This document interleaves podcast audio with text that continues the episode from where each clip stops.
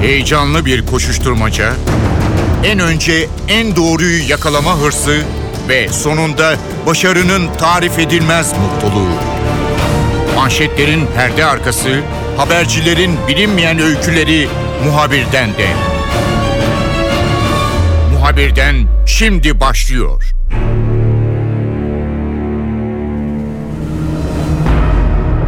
Muhabirden de bu hafta yine çatışma bölgesine gideceğiz. Kuzey Irak'ta IŞİD Musul'u ele geçirdikten sonra önemli kazanımlar elde etmeye başladı. IŞİD Musul'da durmadı. Temmuz ayı başlarında ele geçirdiği Musul'dan daha sonra biraz kendisini toparladı ve Kuzey Irak içlerine doğru ilerlemeye başladı. Bölgede bazı yerlerde göçler söz konusu ve IŞİD'in özellikle dini ve mezhepsel ayrımcılık gözeterek yaptığı kontrolsüz şiddetten dolayı insanlar Kuzey Irak'ta yer değiştirmeye, göç etmeye başladılar. Doğan Haber Ajansı muhabiri Ferit Aslan, Kuzey Irak'ta şu an e, IŞİD'de peşmergelerin yer yer çatıştığı bölgelerde bulunuyor. Ferit e, gerek Kuzey Irak'a gerekse de Güneydoğu en iyi bilen isimlerden daha önce de birçok kez Kuzey Irak'ta bulundu. Bölgedeki gelişmeleri aktardı. Ferit Aslan bizimle olacak, notlarını paylaşacak. Muhabirden başlıyor, ben Kemal Yurteri.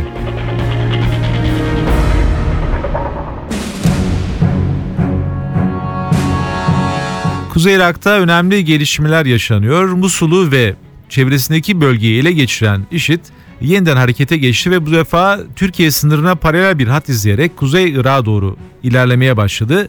IŞİD'in bu ilerlemesini sürdüreceği ve bölgedeki çatışmaların da şiddetinin artacağı anlaşılıyor.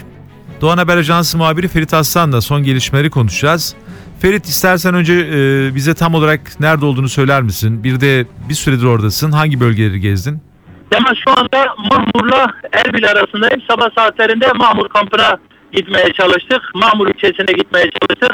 Hani son durum nedir? Çünkü iki gün Mahmur'un işte tarafından ele geçirildiği, yok ele geçirilmediği, tahliye edildiği yönünde tartışmalar vardı. Mahmur ilçesinin girişine kadar da gittik. Orada yolu kapattı. Ondan sonra geçmemize izin vermedi. Ama hem ilçe girişinde hem de onun 1-2 kilometre gerisinde peşmergene ağır silahlar da e, o yolu tuttuğunu gördük. Şimdi Erbil'e dönüyoruz. Geldiğimiz ilk günde Sincar bölgesi tarafından Suriye sınırı Rojava bölgesine Fişkabur tarafından gittik. Fişkabur'dan öteye de gazetecilerin izin verilmedi. Biz de iki gün Zaho ve Doğuk bölgesinde özellikle Sincar'dan kaçanlardan onlarla ilgili haberler yaptıktan sonra dün sabah saatlerinde Irak Kürdistan yönetiminin merkezi olan Erbil'e geldik. Şimdi de Mahmur'a gittik. Şu anda Erbil'e doğru geri dönüyoruz. Ferit şu an senin bulunduğun bölgede haberlere bakılırsa herkes kaçıyor. E, gazeteciler öyle herkesin kaçtığı yere e, tersine giderler. Haber çünkü oradadır. Sen de Kuzey Irak'ta şu an haberin en önemli adreslerinden birindesin. Çalışma koşullarınızdan başlayalım istersen. E, güvenlik endişesi taşıyor musunuz? E, çünkü gerçekten kontrolsüz bir şiddet gözüküyor bölgede. Size yönelik bir tehdit var mı? Nasıl çalışıyorsunuz orada? Kemal Yurtsevi güvenlik endişesi var. Gazeteci için her zaman var, her coğrafyada var ama savaş bölgelerinde daha var. Ve savaş bölgelerinde iki ülkenin, iki bilinen gücün veya iki resmi e, gücün arasında bir savaş değil şu anda Irak'ta yaşanan. Bir IŞİD var, karşısında bir yerde Peşmerge var, bir yerde YPG var, bir kısım bazı yerlerde de HPG gelmiş Irak Kürdistan bölgesel yönetimine destek vermek açısından. Senin de belirttiğin gibi gazete insanların tahliye ettiği yerleşim yerleri var. İşit tehdidi nedeniyle, savaş tehdidi nedeniyle, can korkusu nedeniyle tahliye ettiği yerlere gazeteci oraya girmeye çalışıyor. Tabii gazetecilerin e, Irak Kürdistan bölgesinde çalışma koşulları Türkiye şartlarına veya başka bir yere göre daha zor. Çünkü burada bir kontrol noktasında peşmergeye bir şey anlatmanız uzun zaman alabiliyor. Buradaki yerel basın burada Irak Kürt bölgesinde veya Kuzey Irak tabir edilen bu yerde çalışan gazeteciler dışarıdan gelen gazetecilere daha avantajlı. Hatta Türkiye'de yabancı bir ülkeden buraya gelen gazeteciler bizden daha rahat çalışıyor. Yani bizim burada Kürtçeyi bilmemiz bizim e, yabancı bir gazeteciye karşı bize bir avantaj değil. Sokakta belki insanlarla diyalog kurmak açısından bir avantaj ancak bir kontrol noktasında veya bir peşmerge yetkilisiyle veya Kürdistan bölgesi bir yetkilisiyle konuşmak anlamında bir avantaj değil. Yabancılara burada biraz daha fazla öncelik tanılıyor. Ancak Türkiye'den gelen gazetecilere bir kontrol noktasında size geçme dediği zaman geçemiyorsunuz veya elinizdeki görüntüyü silebiliyor rahatlıkla. Çünkü dün aynı olayı yaşadık. Dün burada e, Doğuk'tan e, Erbil'e gelirken Kelek kasabasında görüntü bir kare fotoğraf çektim ve çektiğim fotoğrafta da hiçbir şey yok. Dağın başından bir konvoy aşağıya doğru iniyor. Bir peşmerge konvoyu. E, diğer peşmerge beni gördü. O fotoğrafı sil dedi. Ben siliyorum tamam sileceğim dedim. Hayır güvenmedi. Bizzat makine aldı. Kendisi sildi. Kameraman arkadaşımızın elindeki kaseti görüntüyü almaya çalıştı. Kendisini e, darp etmeye çalıştı. Böyle sıkıntılar da yaşanıyor burada. Ama tabii bu sıkıntılar hani bu mesleğin cilvesidir. Bu işi yaptığımız zaman bu sıkıntıların olduğunu da biliyoruz. 95-96 yılından beri ben buraya gelip gidiyorum. Ama ben bugüne kadar o günden bugüne kadar burada gazetecilerin çalışma koşulları anlamında bir rahatlama olduğunu görmedim. En basitinden şunu söyleyeyim canlı yayın aracıyla e, Habur sınır kapısının karşısındaki Kürt yönetiminin elinde bulunan İbrahim Halil sınır kapısından canlı yayın aracıyla geçmek için 3 saat orada her defasında bürokrasiyle uğraşıyoruz. Yok araçta ne var? Bu cihazın adı nedir? Bu cihazın Kürtçe adı nedir diye soruyor. Yani cihazın canlı yayın aracındaki cihazın Türkçe adı yok ki ben Kürtçesini söyleyeyim. Bu tür sıkıntılar var ama buna rağmen yine burada çalışmaya devam ediyoruz. Bilgi aktarmaya devam ediyoruz. Türkiye'yi, Türkiye kamuoyunu burada yaşananlardan e, haberdar etmeye çalışıyoruz elimizden geldiği kadar.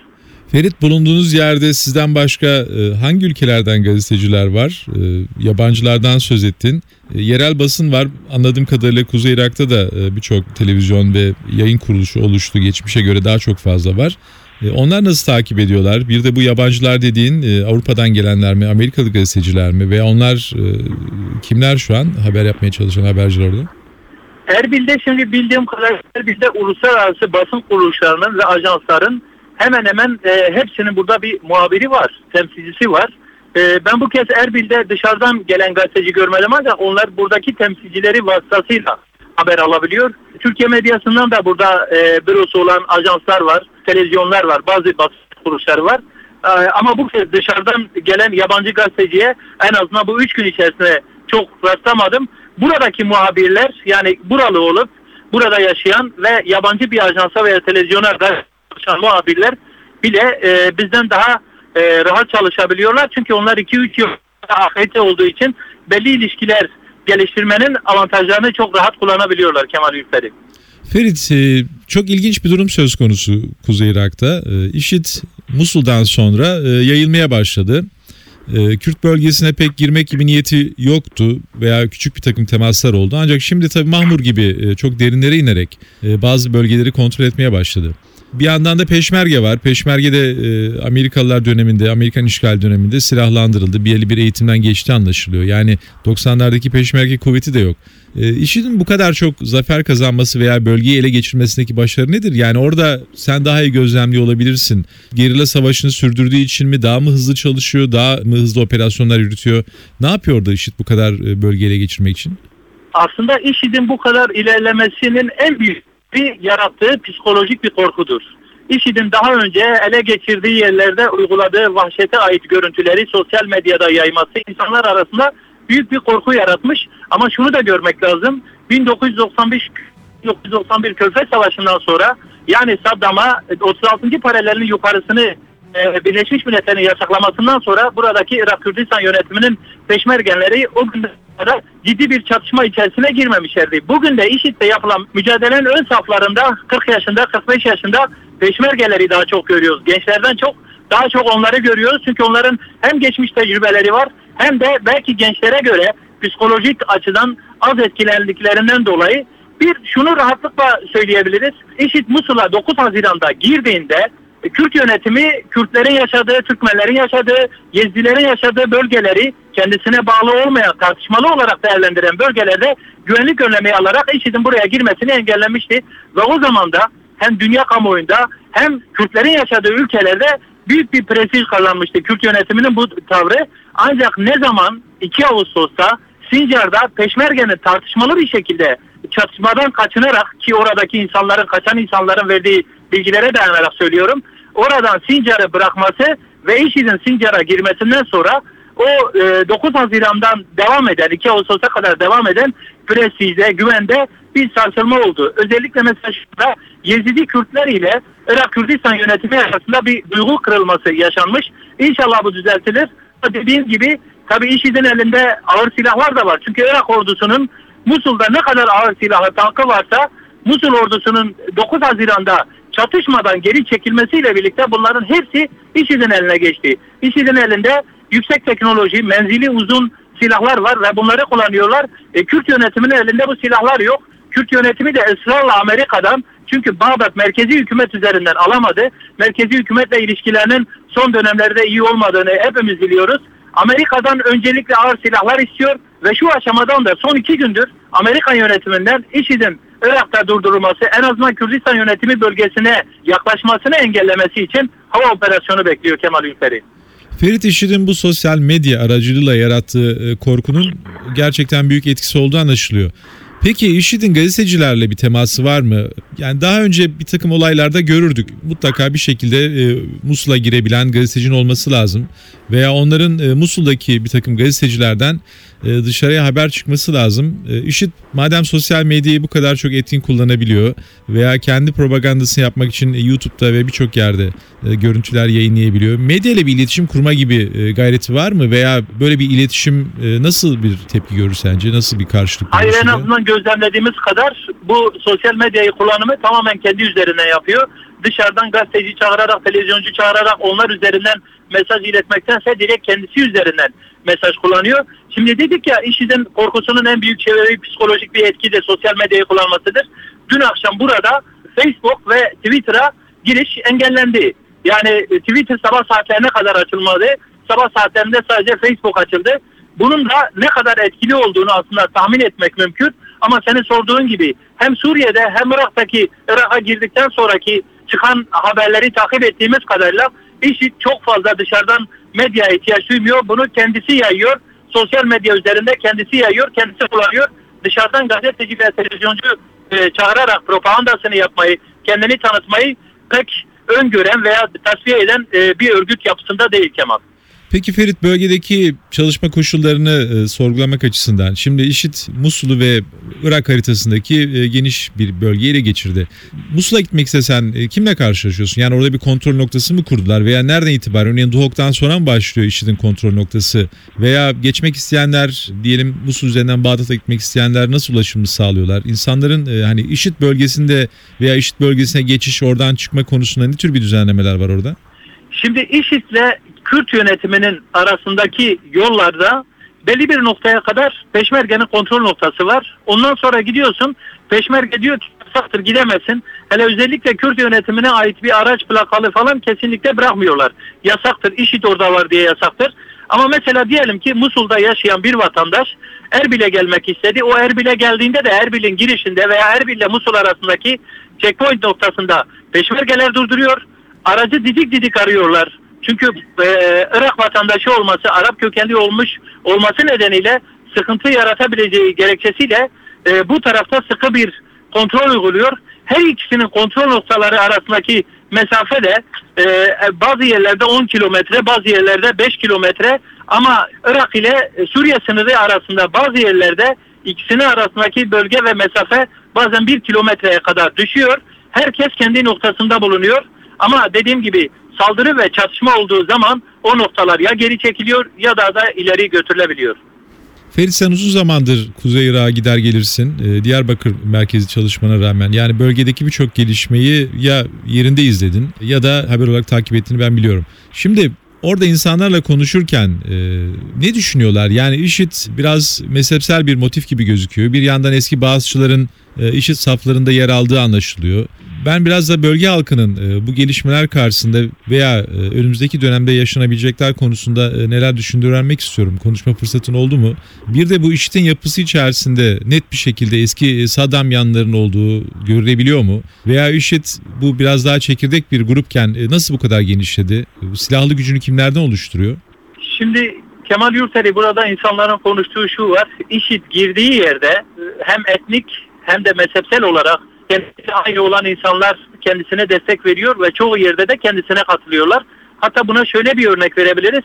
Bu da zaman zaman bu bölgede insanların etnik kimliklerinden dolayı veya mezhepsel e, farklılıklarından dolayı birbirlerine karşı ön yargılı davranma, birbirlerine karşı düşman gibi bakmasına neden oluyor.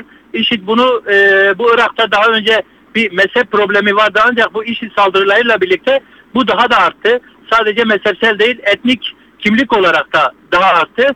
Mesela e, IŞİD Sincar'a girdiğinde Sincar'dan canını kurtarıp göç eden insanlarla yaptığımız görüşmede Sincar'da yaşayan Sünni Arapların da IŞİD'e katıldığını, kendilerini işte alkışlarla karşıladığını, kendileriyle kucaklaştığını söylüyorlar. Bu zaman zaman kent merkezlerinde bu tür saldırı alanlarından kaçıp işte Doğuka ve Erbil'e gelen e, Araplar için de sıkıntı yaratıyor. Özellikle mesela şu anda kadın, çoluk, çocuk Arapların gelip yerleştiği Erbil'de eğer onların yanında büyük erkek yoksa veya ailenin reisi yoksa o da şey kuşkusu yaratıyor. E, aile reisi o zaman işi de katıldı. Bunlar da buraya geldi. E, bir rahatsızlık yaratıyor. Zaman zaman bir çatışma yaratıyor. Dediğim gibi daha önce Irak'ta zaten olan e, etnik ve mezhepsel çatışmayı bu IŞİD'in ilerleyişi ve IŞİD'in e, uyguladığı e, vahşet daha da körükledi diye e, bilmek mümkün. Buradaki insanların izlenimleri o yönde. Peki geleceğe ilişkin tahminleri neler? Şimdi bir takım göçlerin olduğunu görüyoruz. Bu yarattıkları korkunun belki de daha da büyük bir etkisi olacak. Ee, Yani IŞİD'in yaklaşmadığı noktalardaki insanlar bile bir şekilde gelme ihtimalinden dolayı yerlerini terk edecekler. Ne düşünüyor Kürt bölgesindeki insanlar? Yani IŞİD'le olan bu sorunların nereye varacağını düşünüyorlar? Veya herkes hakikaten böyle bir yandan e, orayı terk etme hazırlığında mı? Şimdi Kürtler açısından geleceğe yönelik şöyle bir beklentileri var. Özellikle e, biliyorsun Irak Kürdistan bölgesinde birçok siyasi parti var. KDP var, var Goran var. Yine Kandil'de e, KCK var. Bir defa Kürtler bu e, IŞİD'in saldırılarının ve IŞİD'in saldırılarını Kürt bölgelerine sıçratmak hissetmesinin kendileri için bir birlik sağlamaları için tarihi bir fırsat olduğunu düşünüyor. Ve Kürtler burada bütün savunma güçlerini bir komutanlık halinde getirirse IŞİD'i bu bölgeden çıkarma ve kovma açısından büyük bir fırsat olarak görüyorlar. Bir ikinci IŞİD'i Irak genelinde durdurmak olarak da Amerika Birleşik Devletleri'nden bir müdahale bekliyorlar. Kara müdahalesinden önce bir hava e, ısrarla istiyorlar. Çünkü özellikle Kürt yönetimi elinde IŞİD'le e, mücadele edebilecek derecede ağır teknik ve menzili yüksek silah olmadığını söylüyor. E, ilk etapta Amerika Birleşik Devletleri'nden, Birleşmiş Milletler'den IŞİD'in e, ilerleyişinin durdurulmasını ve IŞİD'e büyük bir darbe vurulmasını istiyorlar. E, devamında ise çünkü merkezi Bağdat yönetiminden çok fazla bir umutları yok. Bağdat yönetiminin de 9 Haziran'da IŞİD'in Musul'a girip e, daha sonra Kerkük üzerinden Bağdat'a ilerleyişi sırasında Bağdat yönetiminin ve e, merkezi yönetimin askerlerinin silah dahi sıkmadan cephanelerini, silahlarını, ağır araçlarını bırakıp kaçtıklarını bildikleri için şu anda gözlerini yeniden Amerika'ya çevirmişler. İlk etaptan e, IŞİD'in durdurulmasını bekliyorlar. Ferit peki bu göç dalgası içerisinde e, Türkiye'nin yeri de önemli. Güvenli olarak Türkiye'yi mi görüyorlar? E, Çünkü e, bir grup Türkiye'ye gelmek istedi. E, Mahmur kampından olanların zaten büyük çoğunluğu Türkiye'den vaktinde gidenler. E, Türk sınırına doğru mu sence tahmin ediyorsun e, insanların daha çok akın edeceğini? E, İran olabilir mi? E, Suriye tarafı zaten IŞİD var. E, Diğer taraf biraz daha e, Kürt bölgesine uzak. E, Oraya gitmeyebilirler. Yani yüzlerini biraz da Türkiye'ye çevirmiş durumdalar mı? Yoksa e, daha e, dağlık veya e, zor e, ulaşılacağını düşündükleri yerlere mi çekilmeye çalışıyorlar? Kemal Yurteri ilk etapta Sincar'a IŞİD'in saldırmasından sonra oradan kaçan bir grup Suriye'nin Rojava bölgesine gitti. Oradan da Irak Kürdistan yönetimi bölgesine geçtiler. Duhok gibi, Erbil gibi daha merkez ve güvenli yerlere gittiler. Şu anda IŞİD'in tehdidi altında olan veya IŞİD'in girdiği köyden göç eden insanlar da özellikle Kürtler daha çok dağlık alana doğru yani Irak'ın daha böyle Türkiye sınırına yakın dağlık alana doğru gittiler. En azından bu e, IŞİD'in durdurulması ve geriletilmesi, girdiği yerleşim birimlerinin geri alınmasını bekliyorlar. E, ancak dün şöyle bir gelişme yaşandı. Irak Kürdistan yönetimi e, Halil İbrahim Gümrük kapısında kendi vatandaşlarının yani Kürdistan vatandaşı olanların Türkiye'ye geçişine izin vermediği yönünde bir bilgi geldi.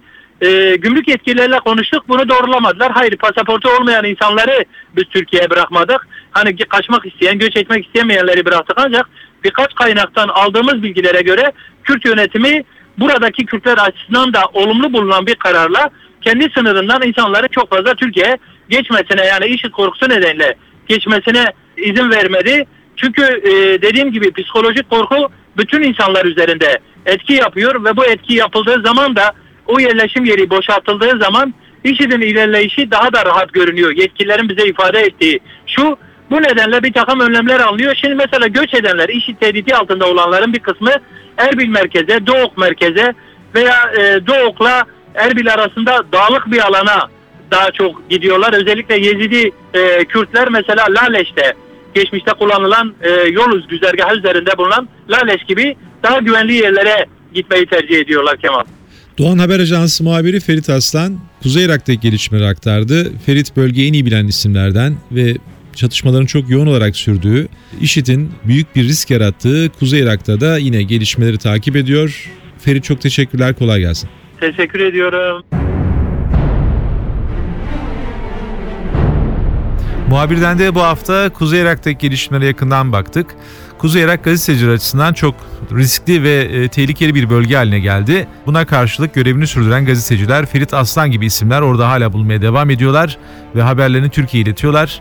Ben Kemal Yurteli muhabirden de yeniden görüşmek üzere hoşçakalın. Haber için değil de haberin hikayesi için şimdi onlara kulak verme zamanı. Muhabirden NTV Radyo'da.